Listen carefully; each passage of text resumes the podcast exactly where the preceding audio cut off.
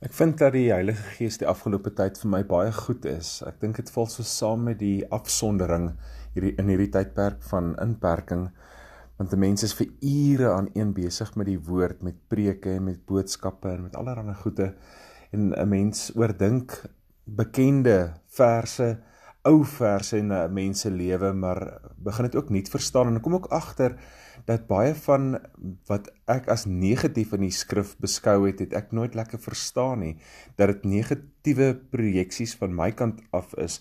Ek vind dit byvoorbeeld in die teks in Matteus 11 vers 30 net voor dit sê Jesus kom na my toe almal wat uitgeput en oorlaai is en ek sal julle rus gee. My juk is sag en my las is lig. Nou as ek dink aan 'n juk dan dink ek aan aan iets wat seer maak, iets negatief. Um mense het mos nou al die juke gesien byvoorbeeld wat die boere gebruik het toe hulle met hulle osse en goederes hierso oor die Drakensberge gekom het saam met die voortrekkers en so aan. So dit is die beeld wat 'n mens het.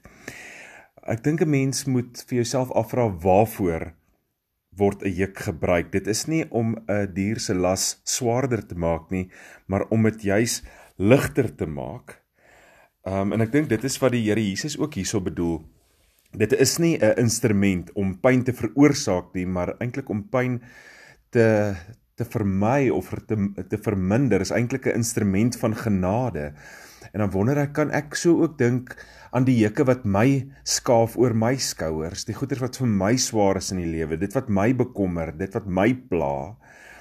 Um miskien moet ek ook bietjie anders te dink oor die juk van die Here Jesus Christus wat as hy sê my juk is sag en my las is lig. Hy sou waarskynlik mos nou die verskil geken het tussen 'n goeie juk en 'n slegte juk want hy was 'n skrynwerker soos sy aardse pa Josef en dalk moes hy van die goede ook gemaak het vir vir boere en ek wil glo hy sou die verskil geken het tussen 'n 'n rowwe growwe juk wat 'n dier se se skof gaan gaan ehm um, gaan skaaf totdat hy bloei en 'n juk wat eintlik glad glad glad gemaak is dat hy oor die beeste skof ook um, kan gly maar tog ook stewig genoeg sit dat die dat die bees sy sy werk kan doen. Ek dink hy sou die verskil geken het tussen 'n goeie en 'n slegte juk en en daarom dat hy ook vir mense wat moeg en oorlaai is uitnooi en sê kom laat ek julle jukke afhaal wat julle so bebloed laat, wat julle soveel pyn gee, wat vir julle so swaar is.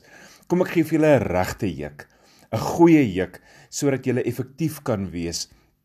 Ehm um, ook ehm um, in julle lewens. Ehm um,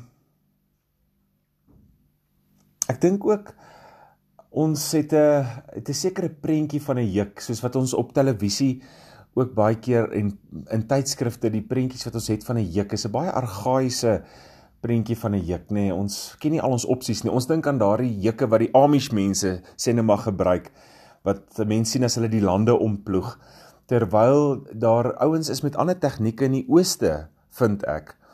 Ehm um, wat met met leer 'n uh, 'n tipe van 'n harnas maak vir die dier waarmee hulle dit kan ehm um, beheer. So ek dink sommer net vandag bietjie nuut of probeer nie dink oor die hele ding van van hierdie juk van Christus wat sag is en wat my las wil ligter maak. Ehm um, sy genade vir my in hierdie juk. Mag die Here ook vir jou jou las ligter maak en jou swaar juk wegvat wat jou so skaaf en vir jou sy juk gee wat sag is en wat glad is en wat lig is sodat jy kan lewe en kan werk.